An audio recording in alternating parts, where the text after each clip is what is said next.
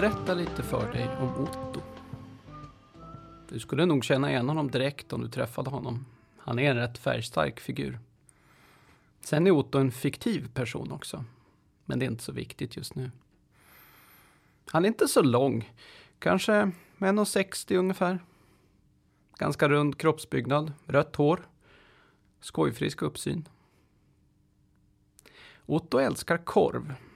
Lyssnar på death metal. Inte så gammal. Övre 20 ungefär. Och ja, just det. Sen saknar han en rätt stor del av höger frontallob i hjärnan också. Den lilla detaljen.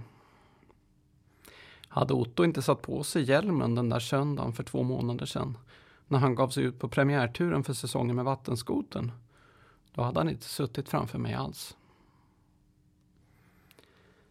Det speciella med Otto när man träffar honom är att han är himla trevlig. Vi brukar prata på rätt hyggligt när vi träffas han och jag. Det brukar bli lite snack om maten på avdelningen, amerikansk utrikespolitik, rosenbeskärning, kanske något om bästa metoden för tillredning av laxpasta också. Det där med rosenbeskärningen är inte min starka sida, men det gör inte så mycket. Jag vet att Otto inte kommer kunna syna mig. Otto minns nämligen ingenting av vad som har hänt honom längre än två minuter. Hans hjärnskada förhindrar att de episodiska minnena lagras in hos Otto. De episodiska minnena är de minnen som vi kopplar till vår egen person, som gör att vi har en uppfattning om att vi som människor har en historia och en framtid. Otto lever i ett ständigt nu. Med en drömlik och svårbegriplig historia och en framtid som aldrig inträffar. Om jag går ut från Ottos rum, byter några ord med sköterskorna på expeditionen och sen går tillbaka in till honom, är det som att vi träffas för första gången. Kanske upplever han mig som vagt bekant, kanske inte. Kanske hittar han snabbt på en historia om att jag är underleverantör på hans byggfirma och att vi ska diskutera offerter på virke för takstolar. Eller kanske gör han mig till en gammal klasskamrat från gymnasiet, ekonomisk linje, som han inte har träffat på många år. Otroligt att jag skulle dyka upp just här på sjukhuset där han ligger. Eller så blir jag något helt annat. Det vet jag aldrig på förhand. Det här är både det bästa och det värsta med att träffa Otto. Man vet aldrig vad som kommer att hända härnäst. När jag går och frågar vad han ska göra efter vårt samtal säger han kanske att han ska ta en promenad runt stadsträdgården. Att han knappt kan röra vänster arm och ben tycks inte störa honom i den planen. Ibland kommer Ottos flickvän och mamma på besök hos honom. Jag ser glädjen när de hälsar på varandra i korridoren. Mamma brukar ha med sig något fotoalbum. De fikar i patientmatsalen och tittar på kort av olika släktingar. Skrattar och verkar ha roligt. Mamma har med sig toskakaka, hans favorit. Då dyker den gamla vanliga goa Otto fram. Men jag ser också sorgen i flickvännens ögon när hon och mamma går.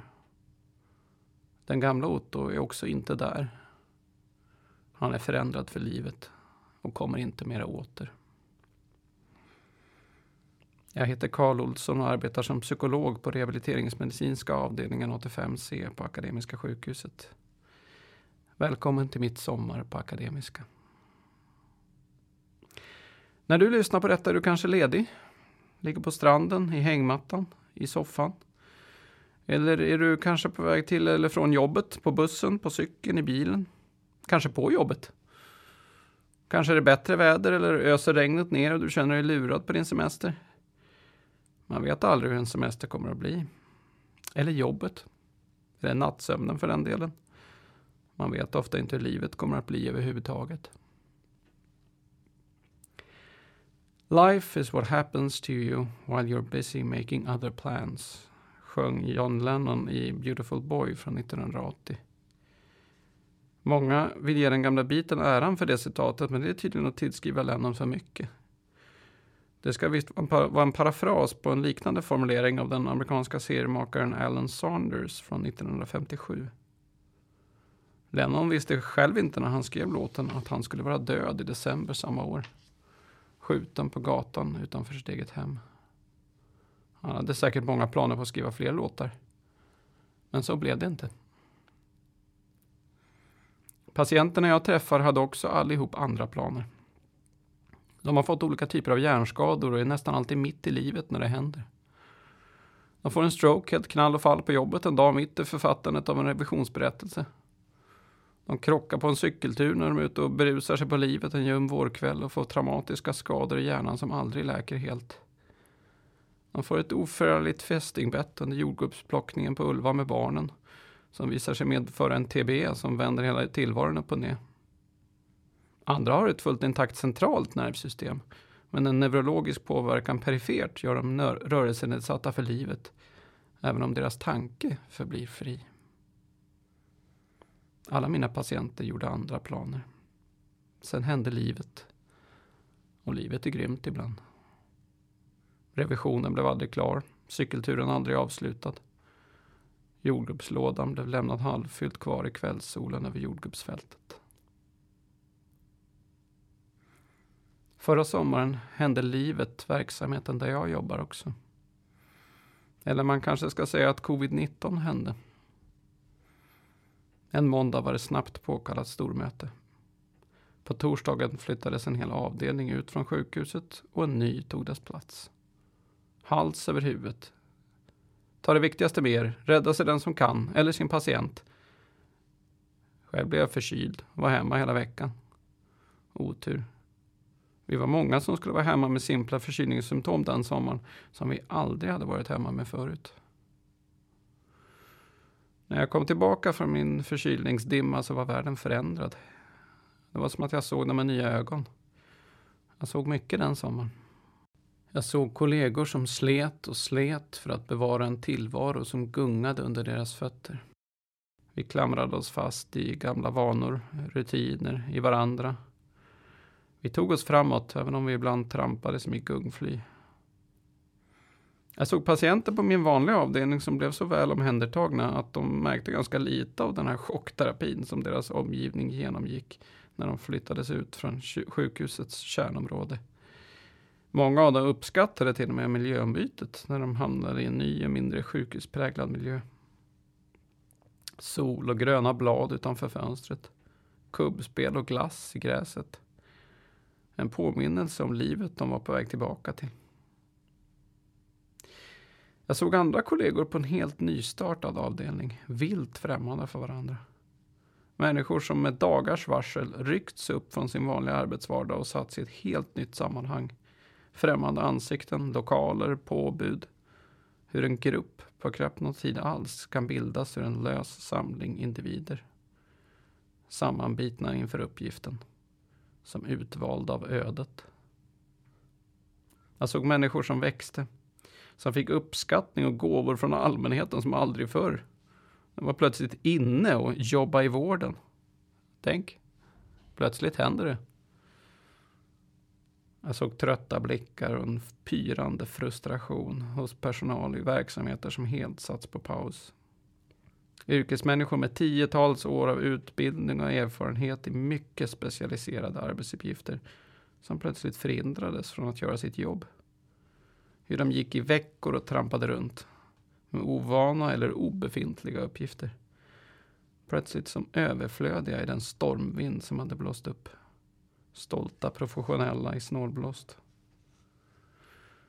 Jag såg chefer som slet på alla nivåer, dag ut och dag in, från tidig morgon till sen kväll. Som satt i teamsmöte på teamsmöte på teamsmöte för att få maskineriet bakom kulisserna att gå ihop.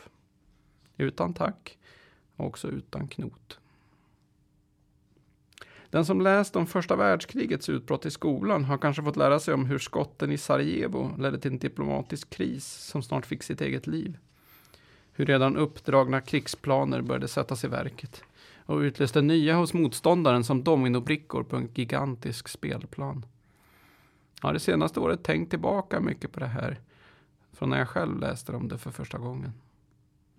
Pandemin var vårt krigsutbrott av en magnitud som ingen hade haft en sportslig chans att förutse och som vi alla nu gjorde vårt bästa för att hantera. Det sägs att general Ludendorff i den tyska generalstaben under första världskriget en gång fick frågan om de inte snabbt kunde ställa om sina planer när kriget var på väg att rulla igång. Frågan var om man skulle strunta i fälttåget mot Frankrike i väst och sen sätta in alla arméerna mot Ryssland i öster istället. Det den som frågade inte förstod var att soldaterna som skulle transporteras inte var den stora utmaningen med de komplicerade transportplanerna som utformats. Det var all utrustning och alla förnödenheter som utgjorde det stora hindret. Kanonerna, tälten, maten. Ja, visst, lär Ludendorff ha svarat. Ni kan skicka trupptransporterna österut istället. Men när de når fram till Polen kommer ni inte att ha en armé längre. Ni kommer att ha en skock hungriga män med gevär utan ammunition. Krig är 90 procent logistik och 10 procent strid. Sjukvård är likadant. Jag träffade många patienter den sommaren. Människor som nästan alla hade tänkt, det kommer inte drabba mig. Som tagit alla skyddsåtgärder. Och ändå hade de drabbats. Jag kände igen många av historierna som de patienter jag vanligen träffar brukar berätta. Intensivvård under vad som upplevts som oräkneliga dygn. Narkos, hallucinos, dödsångest, smärta, långsam kvävning. Och så en ljusning. Långsam förbättring. Andetag som bär igen. En förintande svaghet. Glädje i det lilla. Daglig träning för att komma tillbaka. Hopp om livet, trots allt. Här såg jag mycket som var bekant. Sånt jag också hade sett hos många patient förut. En gryende insikt om att allt inte heller var riktigt som förut. Nya fysiska förutsättningar. En lite skiftad syn på livet. Ändrade prioriteringar. Embryot till en förståelse för att upplevelsen i sig, även den dag de rent kroppsliga åtkommorna klingat av, förändrat dessa människor i grunden på ett sätt som de själva ännu bara anade vidden av. Jag träffade de här patienterna just som de stod i begrepp att skrivas ut och återvända till sina vanliga liv igen. Vanligt, bekant, visst.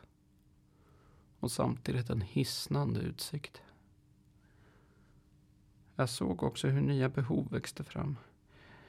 Av reflektion, att få prata om allt det här nya av handledning kring utmaningar som var bekanta men ändå helt främmande. En plötsligt ny arbetsuppgift för min egen profession. Att hjälpa hjälparen hjälpa våra patienter. Jag tänker ibland på det här med våra patienter. Hur vi som vårdgivare så drivs i det här att vi vill vårda, läka, träna upp, hjälpa, stödja, hur vi vill döva varje smärta, åtgärda varje problem. Och hur svårt det blir när patienten inte kan eller inte vill ta emot det vi ger.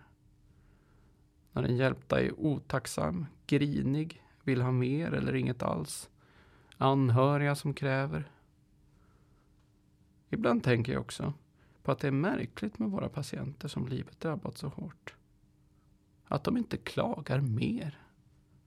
Att inte fler agerar ut, gnäller ständigt, skriker och gråter oavbrutet. Det händer ändå rätt sällan. Man fogar sig i sitt öde. Man blir arg ibland, visst. Ledsen ibland. Men man håller ihop för det mesta. Det här stöds ju också i forskning där även personer som har drabbats av mycket svåra sjukdomar med plötslig och påtaglig funktionsnedsättning något år efter insjuknandet skattar sin livskvalitet som i princip densamma som innan insjuknandet. Det handlar inte alltid om hur man har det. Det handlar framför allt om hur man tar det. Det är en gammal psykoterapeutisk sanning som ofta är mer sann än man först tänker. Detsamma kan sägas om oss som personal. Hur vi tar vår uppgift, varandra, våra patienter. Det spelar roll. Både för oss själva och för den andra. Ta hand om dig där ute nu. Oavsett om det är i sol eller regn, på jobb eller strand. Minns att du lever. Att du går vidare. Trots allt. Livet ska levas. Varje dag, så länge du lever. Du vet inte hur länge. Inte jag heller. Men nu gör du det. Lever alltså. Och så var det en sak till. Otto. Han kanske inte finns på riktigt. Men hans gelikar finns. Med samma skador. Bättre och sämre sidor. De lever där ute. Med allt vad de bär med sig. Lever mitt ibland oss. Nu och för alltid. Glöm dem inte. Ha en skön sommar.